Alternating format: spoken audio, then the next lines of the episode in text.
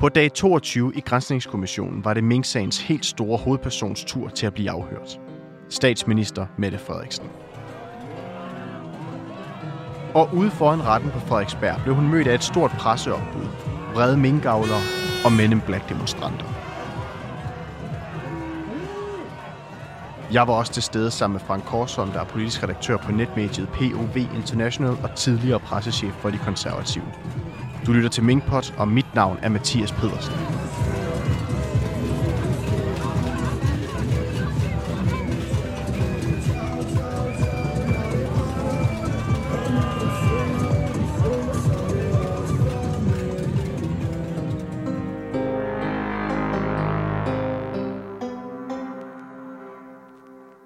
Jamen, så blev det jo egentlig tid til det, som rigtig, rigtig mange havde ventet på. Det var hovedpersonen i, i Mink-sagen, toppen af kransekagen, Mette Frederiksen, vores statsminister. Det var jo ikke bare til at se på selve øh, presseopbuddet, men simpelthen også ude foran retten på Frederiksberg. Der var der simpelthen nærmest øh, legnet op til noget, der lignede øh, festivalsstemning lige frem. Ja, det var jo sådan en fusion af, af demonstranter, fordi øh, der var både kommet minkstøtter fra Jylland, øh, busser, der var kørt ind, og så var der jo anti waxer og mundbindsfornægtere, så det var sådan en stor pærvælling af demonstranter, som havde det til fælles, at, at de ikke brød sig ret meget om statsministeren, for at sige det mildt. Ja, så der var også et stort sikkerhedsopbud. Rigtig mange politifolk, og øh, der var øh, højt beredskab øh, indenfor i retten på Frederiksberg også, så man skulle simpelthen både have bælter af, og alt skulle jo tjekkes igennem. Lidt ligesom det plejer, men den her gang, der var der bare lige skruet lidt ekstra meget op for ja, sikkerheden. Ja, der var man oppe i, oppe i det, måske ikke det højeste, men næsthøjeste sikkerhedsniveau i, i retten Frederiksberg. Der, der var jo også antræk til sådan lidt øh, tumult. Øh, så vidt jeg er orienteret, fik ministerbilen der vist med den baglygte. Så øh, de var ikke sådan helt... Øh, helt, øh, helt fredelige, alle demonstranter i hvert fald. Men ellers så var det jo gennemgående forholdsvis øh, fredeligt. Ja, Mette Frederiksen hun blev mødt af bueråb og øh, potter, der med, altså folk slog på potter og pander og sådan noget. Det er ligesom vi kender øh, de her demonstranter fra øh, foran øh, Christiansborg. Nogle af dem her, der har demonstreret meget mod coronarestriktionen. Der var flere af dem til stede, så hun blev mødt med både bueråb og, og, og, og hamren på, på, på potter og pander. Ja, ja, det, var, det lød lidt som karnevalet i København. Det har vist været aflyst de sidste par år. Det er jo så dag 22 i Grænsningskommissionen, og vi har jo været små 54 øh, vidner igennem efterhånden. Og nu var det så statsministerens øh, tur. Hele øh, kommissionens arbejde handler jo om at få øh, klarlagt, hvad skete der både op til og efter beslutningen blev truffet omkring aflivningen af alle mink. Men kommissionen vil faktisk i virkeligheden gerne starte et helt andet sted. De vil gerne spole øh, tiden tilbage til, øh, til kort efter, at øh, Mette Frederiksen hun bliver statsminister. Altså til den her oprustning af statsministeriet, som vi har været inde på af flere omgange. Ja, jeg tror, det er et samråd, der går helt tilbage til 27. september 2019, så det er sådan øh, nogle måneder efter, at hun har sat sig til rette i statsministerstolen. Det sker jo i, i juni, nogle, øh, juni 2019.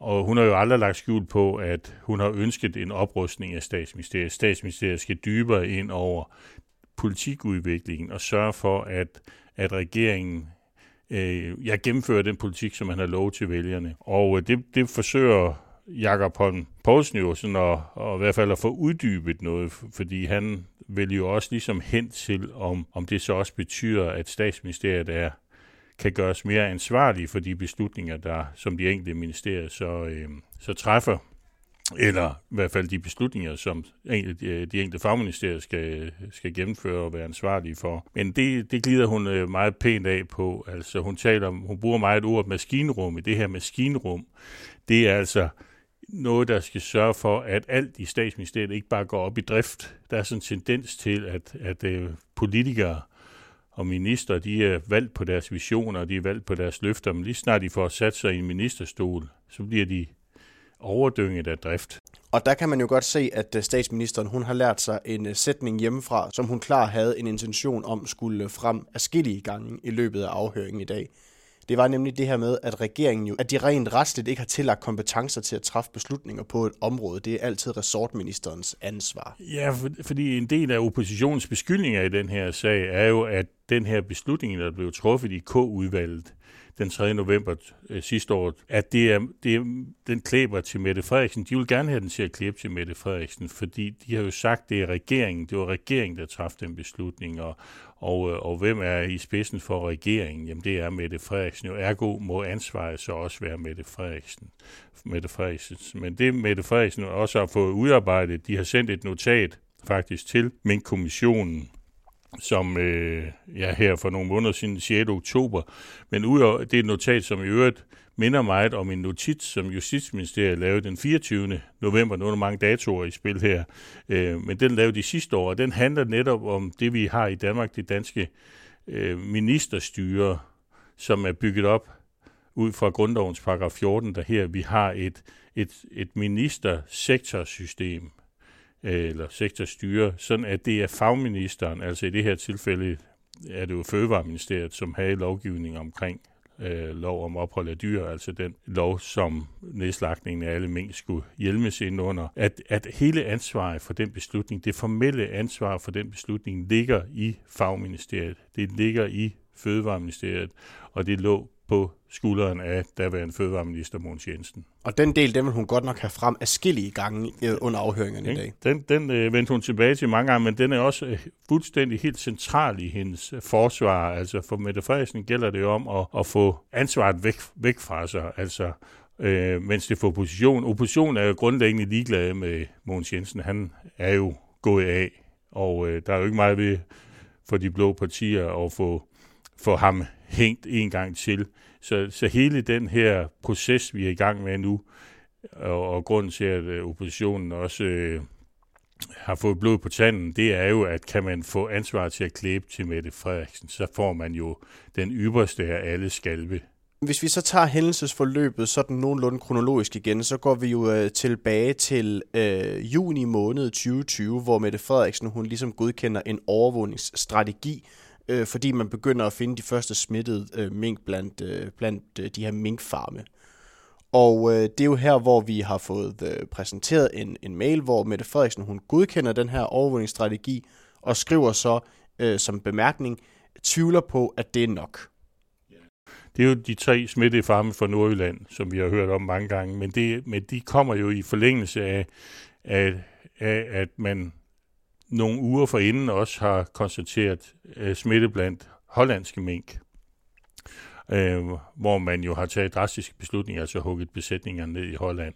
Så, så, så det kommer sådan oven på hinanden, og så kommer de danske Øh, farme der efterfølgende. Og nu skal man huske, der i juni sidste år, det er jo altså kun tre måneder efter, at vi har fået coronaen i Danmark. Vi lukker øh, landet ned den 11. Øh, marts, så vidt jeg husker. Så, så man er jo oppe i aller, aller højeste beredskab, og hver eneste gang, der kommer noget, der bare minder om corona, eller noget, der kan smitte fra corona, jamen så, så er man så er regeringen altså øh, meget ops på det. Og det er Mette Frederiksen også her. Og det siger hun også, at den sætning med, at hun tvivler på, om det er nok, jamen den udtrykker jo, at det, der sådan set står i det, altså hun øh, kan godt se, der kan komme mere fra den, øh, fra den side. Mette Frederiksen hun fortæller så, at øh, der umiddelbart ikke kommer nogen øh, kommentar på hendes bemærkning omkring, at øh, hun ikke øh, troede, at den her indsats her, det vil være øh, nok. Øh, så derfor så øh, spoler vi ligesom tiden frem til øh, økonomiudvalgsmødet den øh, 30. Øh, september, hvor hun så ikke selv deltager, men det gør hendes departementschef Barbara Bertelsen jo. Og de vil jo gerne vide, hvor meget Mette Frederiksen har fået, eller hvor meget hun er blevet briefet efter det her økonomiudvalgsmøde. Og hun fortæller, at Barbara Bertelsen har sagt noget i stil med, at der har været nogle uenigheder, der har været nogle diskussioner omkring mink, og så at øh, Nikolaj Vammen havde bedt om at få udarbejdet forskellige scenarier. Og der ved vi jo fra tidligere afhøringer, at her der har der været lidt uenighed omkring, hvad det er, Nikolaj Vammen, vores finansminister, lige præcis har sagt Det er i hvert fald ikke blevet opfattet på samme måde i Sundhedsministeriet og i Fødevareministeriet, og, og måske heller ikke i Erhvervsministeriet. Men jeg tror heller ikke, man skal gøre større nummer ud af det, end hvad det er, fordi Fødevareministeriet går jo rent faktisk tilbage og udarbejder de to modeller så efter den første, eller den 30. september til øudvalget, går de jo, sætter de sig ned og udvikler dvalemodellen og den anden model, altså den totale lukning, altså forbud mod, mod minkavl i, i Danmark. Og der bliver jo også regnet videre på de modeller, så der, der, der bliver jo et arbejde, der sætter i gang, men, men øh, så det kan jo godt være, at, at det kun er Per Ockels og, og, og Magnus Heunicke, der ikke helt har, jeg tror faktisk ikke, Magnus Heunicke deltog, men Per Olsen i hvert fald ikke øh, helt opfattet Nikolaj Vammens såkaldte ordre om at komme i gang as soon as possible.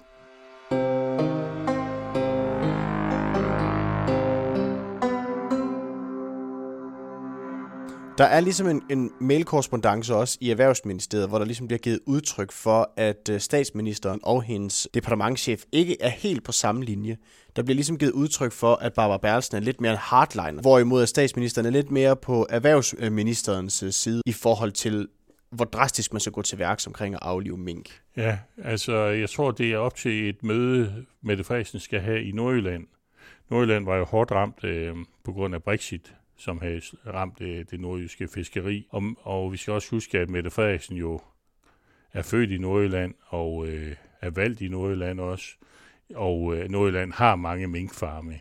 Så det, det er måske ikke helt lige så omkostningsfrit for Mette Frederiksen at, at lægge sig ud med minkfarmene, som det er for hendes departementchef. Så Mette Frederiksen har i hvert fald trådt på bremsen, mens Barbara Berlsen har haft noget mere fart på i forhold til at, at komme efter minkfarmene. Hun gjorde meget ud af i dag at sige, hvor øh, bekymret hun var for minkfarmene, og hvor vigtigt hun synes det var, at, vi, at øh, regeringen fik dem igennem krisen og fik dem ud på den anden side af det her. Det gik hun meget op i at få sagt i dag. Ja, men det er jo, det er jo også fordi, hun er blevet beskyldt for at lukke, lukke minkerhvervet, og det er jo forkert. Minkerhvervet er ikke lukket. Minkerhvervet er lukket midlertidigt.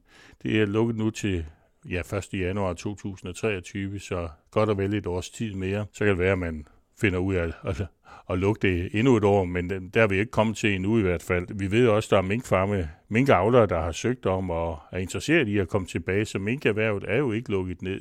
Det er øh, sat på pause. Så bliver hun jo ringet op, øh, fortæller hun i dag, det, mandag den øh, 2. november om aftenen, hvor Barbara Bertelsen, hun jo øh, først taler om det her terrorangreb, der har været i Wien på, på, på det her tidspunkt, men så får hun selvfølgelig også nævnt øh, Kåre Mølbaks udmelding til Copenhagen Fur, som jo er det, der sætter gang i hele, øh, hele Mulletjavsen, kan man sige. Det er egentlig ikke noget, som Mette Frederiksen, hun sådan egentlig... Øh, lige på det her tidspunkt sådan gør det helt øh, store ved. Det er ligesom bare maskineriet øh, i hendes øh, ministerie og i de andre ministerier, der ligesom bliver sat på højtryk lige pludselig der om aftenen. Ja, hun, hun er jo i isolation på i statsministerboligen i Marienborg, og, øh, og isolation betyder altså, at hun, hun, hun er der alene.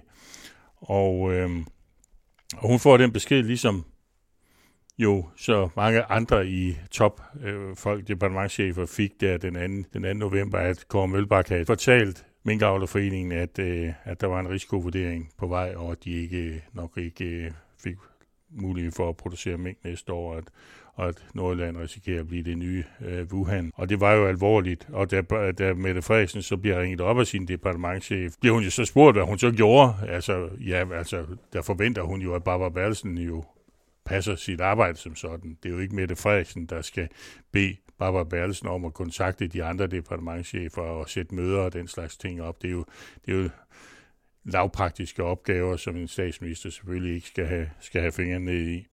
Så hun siger ligesom, at alt, hvad der sker i kulissen, har hun ikke rigtig nogen idé om der den øh, 3. November, indtil Barbara Berlsen, hun så indstillet til, at der skal foretages en fremrykning af mødet i koordinationsudvalget. Det er sådan, at der, de altid har et møde i, øh, i regeringens koordinationsudvalg om onsdagen, og det ved vi så jo bliver fremrykket til øh, tirsdag den 3. november om aftenen klokken først 21, men bliver så udskudt til øh, 21.30. Der dvæler vi jo så et øjeblik ved selve forberedelserne op til, og de her øh, papirer, som øh, bliver forsinket og bliver sendt i det ene udkast efter øh, det andet, og nogle bilag, som ikke kommer på de rigtige tidspunkter og kommer for sent og så videre. Og det er jo noget, som, øh, som udspørgen i dag vælger lige at dvæle lidt ekstra ved hos Mette Frederiksen i dag. Ja, fordi det viser sig rent faktisk, at Mette Frederiksen til synligheden har fået de her bilag noget tidligere end de andre. Noget, lidt ind i 2042, tror jeg det er. Øhm, det ændrer ikke på, at hun ikke har læst det. Der var også meget at læse. Vi skal lige huske, at bilagene, de var vist på 31 sider, så og det var ikke, og selve coveret var vist også på en 8-9 sider. Så hun, øh, hun har ikke læst øh, bilagene, og det er der heller ikke nogen andre, der har for mødet, så hun er langt fra den eneste. Og hun mener jo heller ikke, hun skal kastes over bilagene. Hun skal brives. Det vigtige skal, skal stå i det cover, som er det, som danner grundlag for de beslutninger, der bliver truffet i, i regeringens øh, udvalg. Men alligevel så, øh, så bliver der jo stillet spørgsmålstegn ved, hvorfor man ikke efterspørger en læsepause. Hvad har det gjort af forskel, at man var gået senere i gang, altså øh, når man nu ikke kunne få papirerne? Ja, det er jo blevet sådan et standardspørgsmål, og det ikke var nogen, der lige foreslog en 10 minutters læsepause, fordi de sidste bilag var jo kommet så sent. Men der siger Mette Frederiksen, hvis der er noget i de bilag, så er det, vender hun jo tilbage til paragraf 14 i grundloven, så er det fagministerens ansvar at række fingeren op og, øh, og gøre indvendinger. Og der ved vi jo, at at Fødevareministeriets departementchef Henrik Stusgaard ikke havde det som top of mind. Han havde det åbenbart i hans mind, men det var ikke top of mind.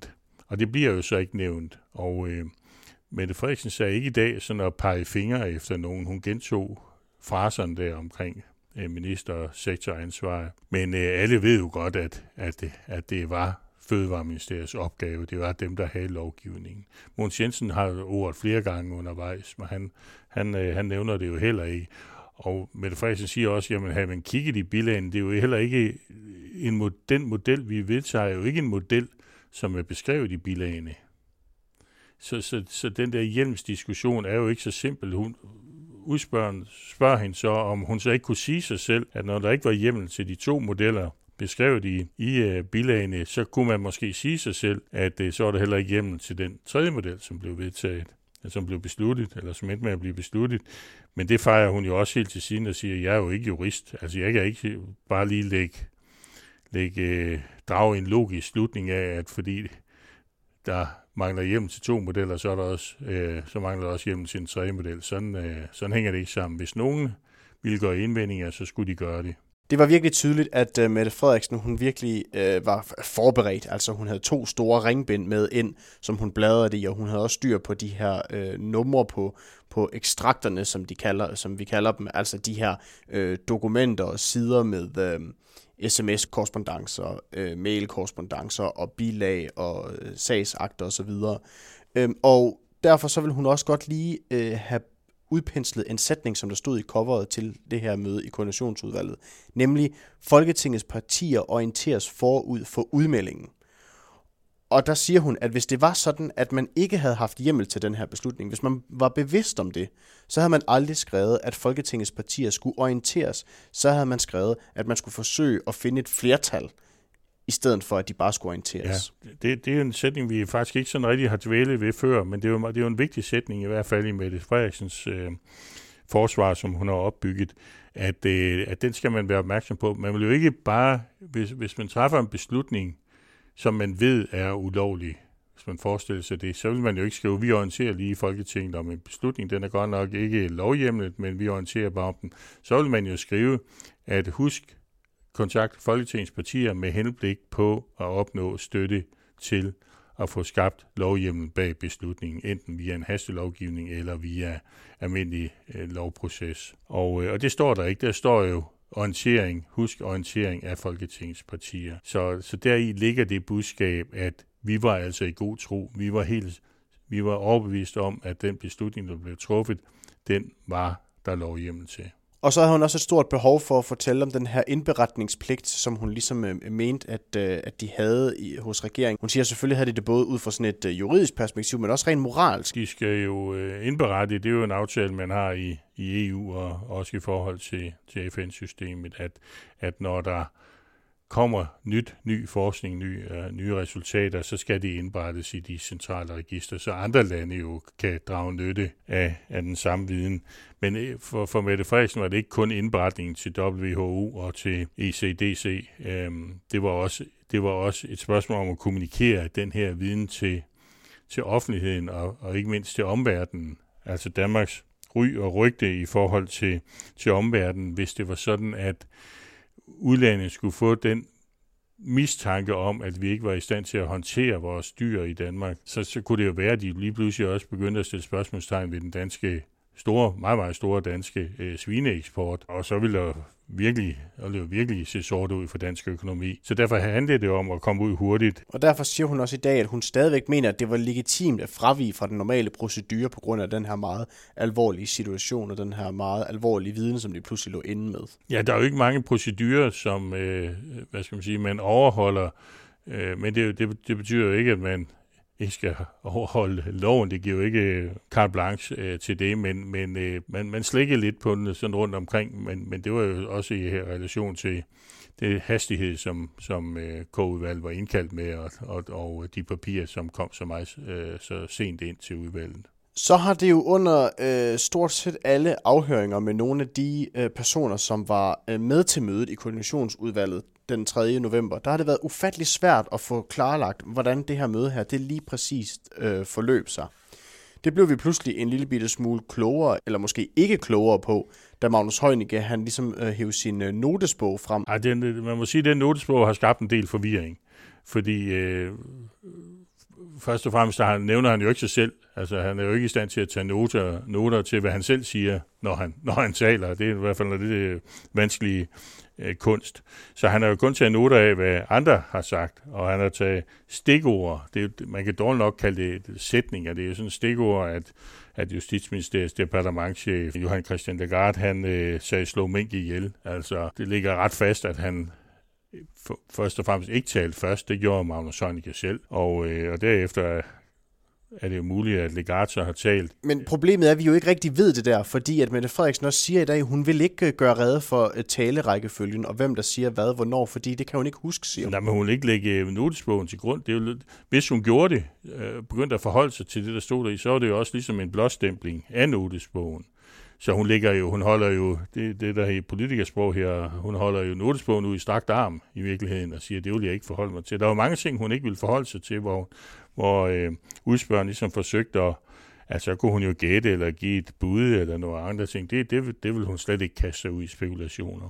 Og det har været, virkelig været kendetegnende øh, for Mette Frederiksen i det her forløb her, og også bare under afhøringen i dag ret tydeligt, at øh, hvis det var noget, der handlede om gissninger, eller noget, der ikke var sådan særlig præcist, så ville hun slet ikke forholde sig til. Nej, det bidrog hun simpelthen ikke til. Hun fik jo fremlagt en række sms'er fra Barbara Bertelsen til, til, til diverse, og, øh, men også e-mail, og, og øh, der vil hun ikke som som tredje person øh, forsøger at sætte sig ind i hovedet på de afsender af de her sms'er. Altså, hvad har Barbara Berlsen tænkt, da hun sendte den her sms, og, og hvad kan hendes motiv være til det? Og der var det standardsvar, det må man jo det må man jo spørge Barbara Bertelsen om. Det vil hun slet ikke kasse ud i den slags øh, gissninger og gætterier. Men det er bare specielt, som absolut ingen af dem, der har deltaget på det her møde her, de kan huske noget, der handler om rækkefølgen, eller hvem der øh, foreslog, at man skulle slå øh, alle mink ihjel, og hvem der sagde hvad.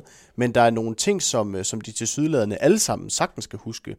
Blandt andet, at Mette Frederiksen flere gange siger, at det kan det virkelig være nødvendigt? Altså, det spørger ja, den, hun ligesom den, den sidder fast. Den sidder jo bare rigtig ja. fast om. Og også, at der skulle være en eller anden øh, konsensus om, at øh, beslutningen den bliver så truffet på baggrund af den her risikovurdering, og der er kun én vej at gå. Ja, det er også fordi, at Mette Frederiksen bliver skudt i skoene, og, og hun siger det jo også i sit pressemøde den 4., at det skete på sundhedsmyndighedernes, jeg tror hun, hun siger, klare anbefaling. Og det er jo sådan et øh, omstridt øh, punkt, fordi der står jo ikke en anbefaling i risikovurderingen. Der står, at fortsat minkavl i Danmark vil være en, udgøre en alvorlig risiko for folkesundheden og effekten af de fremtidige vacciner, tror jeg det er. Men man skal også huske, at Mølbak sådan set var blevet bedt om ikke at komme med nogle anbefalinger. På mødet K-udvalg, der spørger Mette Frederiksen jo Per Ockels, er det her en anbefaling? Og det svarer Per Ockels, at ja, det er en anbefaling. Og Per Ockels har jo haft besøg af, af sundhedsmyndigheden tidligere om morgenen kl. 8 om morgenen på sit kontor, hvor Mølbak og, og Brostrøm og Tyre Krause og måske også et par flere folk fra SSI og fra øh, Sundhedsstyrelsen har deltaget. Der har de jo nok øh, talt noget mere rent der har Per Ockels måske også sat sådan en pistol for tændingen af, af Mølbakke og sagt, er det her en anbefaling? Fordi flere steder, Mølbakke er jo ikke løbet for det her. Han har jo også sagt, at han sagde også under sin afhøring, det var en naturlig konsekvens, og, og han har sagt, at, at øh, fortsat minkavl er, er uforenelig med en, med en pandemi. Og det er jo det, det nærmeste, man overhovedet kan komme på en anbefaling, uden at, at bruge ordet anbefaling. Der bliver alligevel stadigvæk også spurgt ind til, hvorvidt det her hjemmelspørgsmål det bliver øh, bragt op eller ej, og øh, det er lidt som om, at udspørgeren han ikke helt kan øh, forstå, at når der ikke har været hjemmel til de to andre modeller, hvorfor er det så, det ikke bliver bragt op i forbindelse med den tredje? Og Mette Frederiksen, hun bliver en lille bitte smule irriteret over de her spørgsmål her, så hun faktisk øh, selv øh, udbryder på et tidspunkt. Men der er jo ikke noget motiv i den her sag her. Hvor er motivet øh, henne? Hvis vi havde vidst, der ikke var lovhjemmel til den her beslutning her, så havde vi sagt det fra start af. Mm.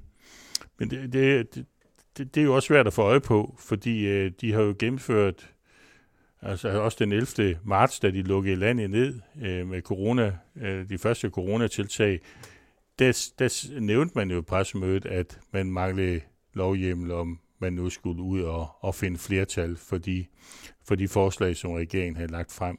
Og det har de gjort flere gange siden også, så det er jo ikke, det er jo ikke fordi, hun, at det sådan er øh, en hemmelighed, eller det burde være en hemmelighed, at man, man manglede lovhjemmel.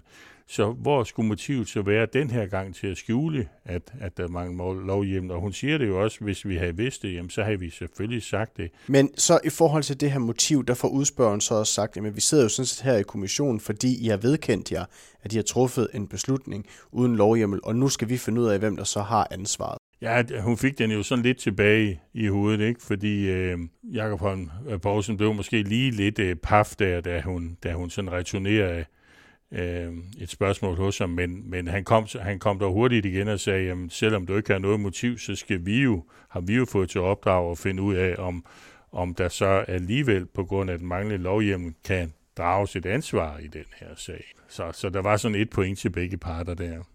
Men det er klart og tydeligt, at Mette Frederiksen jo peger på, at ansvaret skal placeres et sted.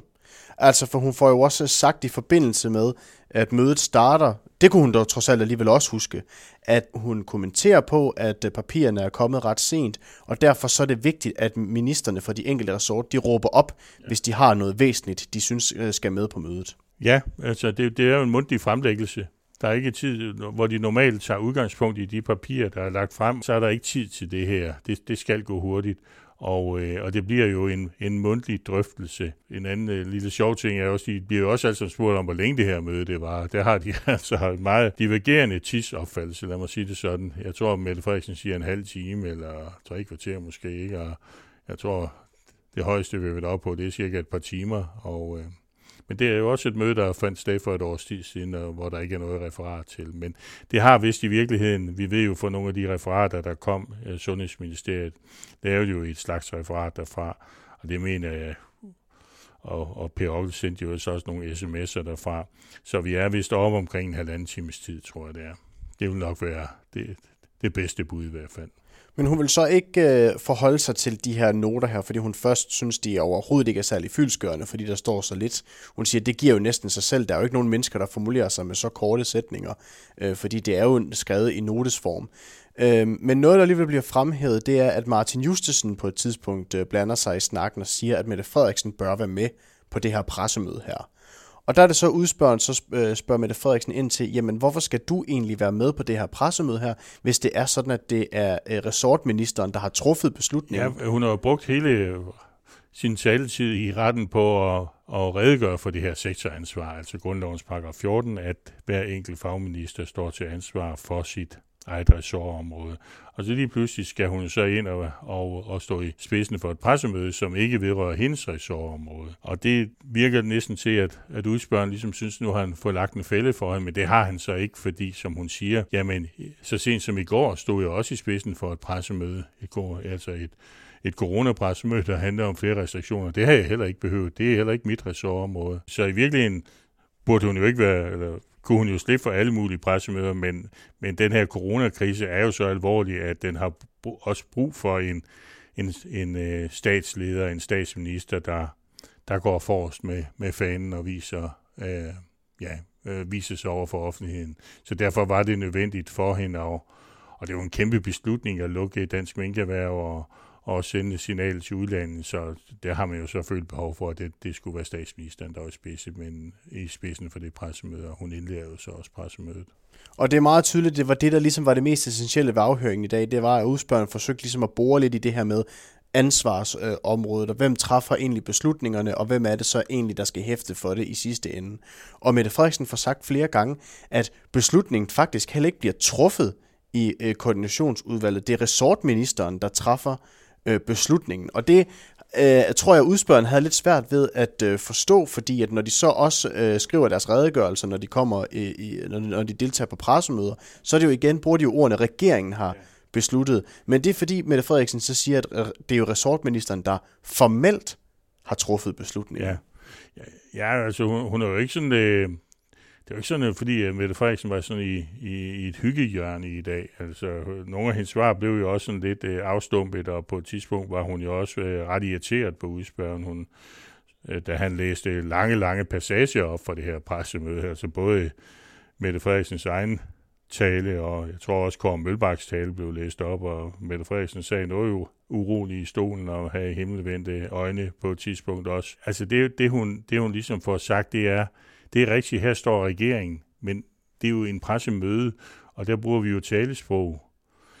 Men det ændrer jo ikke på, hvad det er for et juridisk grundlag, hvad det er for et juridisk fundament, regeringen står på. Og det juridiske fundament, det er grundlovens paragraf 14, det er sektoransvar, det ministerielle sektoransvar, som altså betyder, at ansvaret for det, jeg nu ser og siger her, det ligger altså et andet sted og det var i Fødevareministeriet. Der er jo også et uh, telefonopkald til uh, Copenhagen First formand Tage Petersen, som jeg tror også kommer til at blive ret central i hvert fald, når han skal afhøres en gang i januar måned. Det er ikke et telefonopkald, som, vi har, som der er blevet drøftet særlig meget i, i kommissionen, og, og man er jo lidt spændt på, hvad der lige præcis helt, uh, hvad har der lige præcis helt været af dialog mellem statsministeren og Tage Pedersen på det her tidspunkt? Det er jo Tage Pedersen, der beder om, at statsministeren ringer til hende. Det er jo, det er jo sådan meget... Øh usædvanligt, kan man sige. Men øh, det, øh, det gør hun jo. Der er jo forvirring i branchen, fordi at, at øh, ja, Fødevarestyrelsen sendte jo det berømte brev ud dagen før, den 6. fredag den 6. Og øh, det har skabt noget forvirring hvad, hos, hos minkavleren. Hvad skal vi gøre, og, og, øh, og hvad, hvad, hvad pokker er det, regeringen har gang i? Så han beder om at få den her samtale med Mette Frederiksen, og den foregår der ved tidtiden om formiddagen. Men øh, det, det bliver ikke sådan rigtig bort ind til, hvad, hvad de egentlig talte om, så det, må, det har vi jo til gode til den dag, til at Pedersen så skal, skal afføres. Men øh, vi ved fra Stusgaard, at der ikke øh, har været en hjemmelsdiskussion. Det er klart, hvis Tage Pedersen pludselig siger det modsatte, at Mette Frederiksen oplyst ham, at, at vi ikke er hjemmel, så foreligger der en helt ny situation. Jeg tvivler på, at han gør, men øh, det, det har vi i hvert fald til gode til en gang i, i det nye år, når han sætter sig i, i retten på Frederiksberg. Noget af det, som der også har været den helt store snak øh, efter øh, hele sagen den rullede, det er jo det her med, at øh, det ender med at blive Mogens Jensen, der ligesom øh, fratræder som minister. Der er nogen, der har kaldt ham, at det er ham, der er blevet offerlammet i hele den her skandale, som regeringen har været ude i. Og det prøver øh, udspørgen sådan set også at bore lidt i, og der holder Mette Frederiksen sådan set fast i, at den eneste grund til, at Mogens Jensen han simpelthen træder tilbage som minister, det er fordi, der ikke er tillid til ham øh, blandt et flertal i Folketinget. Altså, du kan jo kun sidde som minister i Folketinget, hvis du ikke har et flertal imod dig i hvert fald. Og det fik han jo et flertal imod, så der var jo ryster om, at nu ville der komme en mistillidsdagsorden. Det er jo lidt øh, skæbnes ironi, at han bliver fyret. I virkeligheden er det jo enhedslisten, fordi de, de blå partier vil jo hvis der har chancen for at det fyre en hvilken som helst minister. Men det er jo enhedslistens stemmer, der ligesom gør, at, at øh, der er mandater nok til at, at fyre ministeren. Og enhedslisten vil have ham fyret, fordi han ikke har været hurtig nok til at slå mink ned. Og de blå vil jo have ham fyret, fordi han har været for hurtig til at slå mink ned her i, i, i, sidste, i den sidste fase. Så, øh, men han ender med at ryge, men Mette Frederiksen vil jo ikke rigtig tage stilling til det. Og øh, hun, hun noterer bare koldt og nøgtern, jamen hvis der ikke er tillid til en minister i Folketinget, så må han gå. Og det er jo også det, som ender med at blive, hvis vi skal runde den her afhøring af her, så er det jo, at det er jo det, der ender med at stå tilbage efter Mette Frederiksens afhøring. Det er jo, at hun i hvert fald havde et stort behov for at komme ud med sit forsvar, som er det rent juridiske. Altså, hvem er det, der formelt set har ansvaret? Og der forsøger hun jo så at henlede kommissionens opmærksomhed på, at det er resortministeren, der har det formelle ansvar, og hermed er det Mogens Jensen i sidste ende der står ingen tvivl tilbage. Altså, og det har det jo heller ikke gjort hos nogle af de andre vidner, der har været inde. Vi har jo hørt om sektoransvar tidligere, faktisk fra et af de første vidner, og, og det er blevet gentaget gang på gang, at er der indsigelser, er det den pågældende minister, altså den ansvarlige minister, eller dennes øh, departementchef, som så må råbe op, og der blev ikke øh, råbt op. Men der er ikke nogen af de tidligere vidner, der har haft det samme behov for ligesom at banke det i med syvtommer søm, det budskab, men det blev det gjort i dag.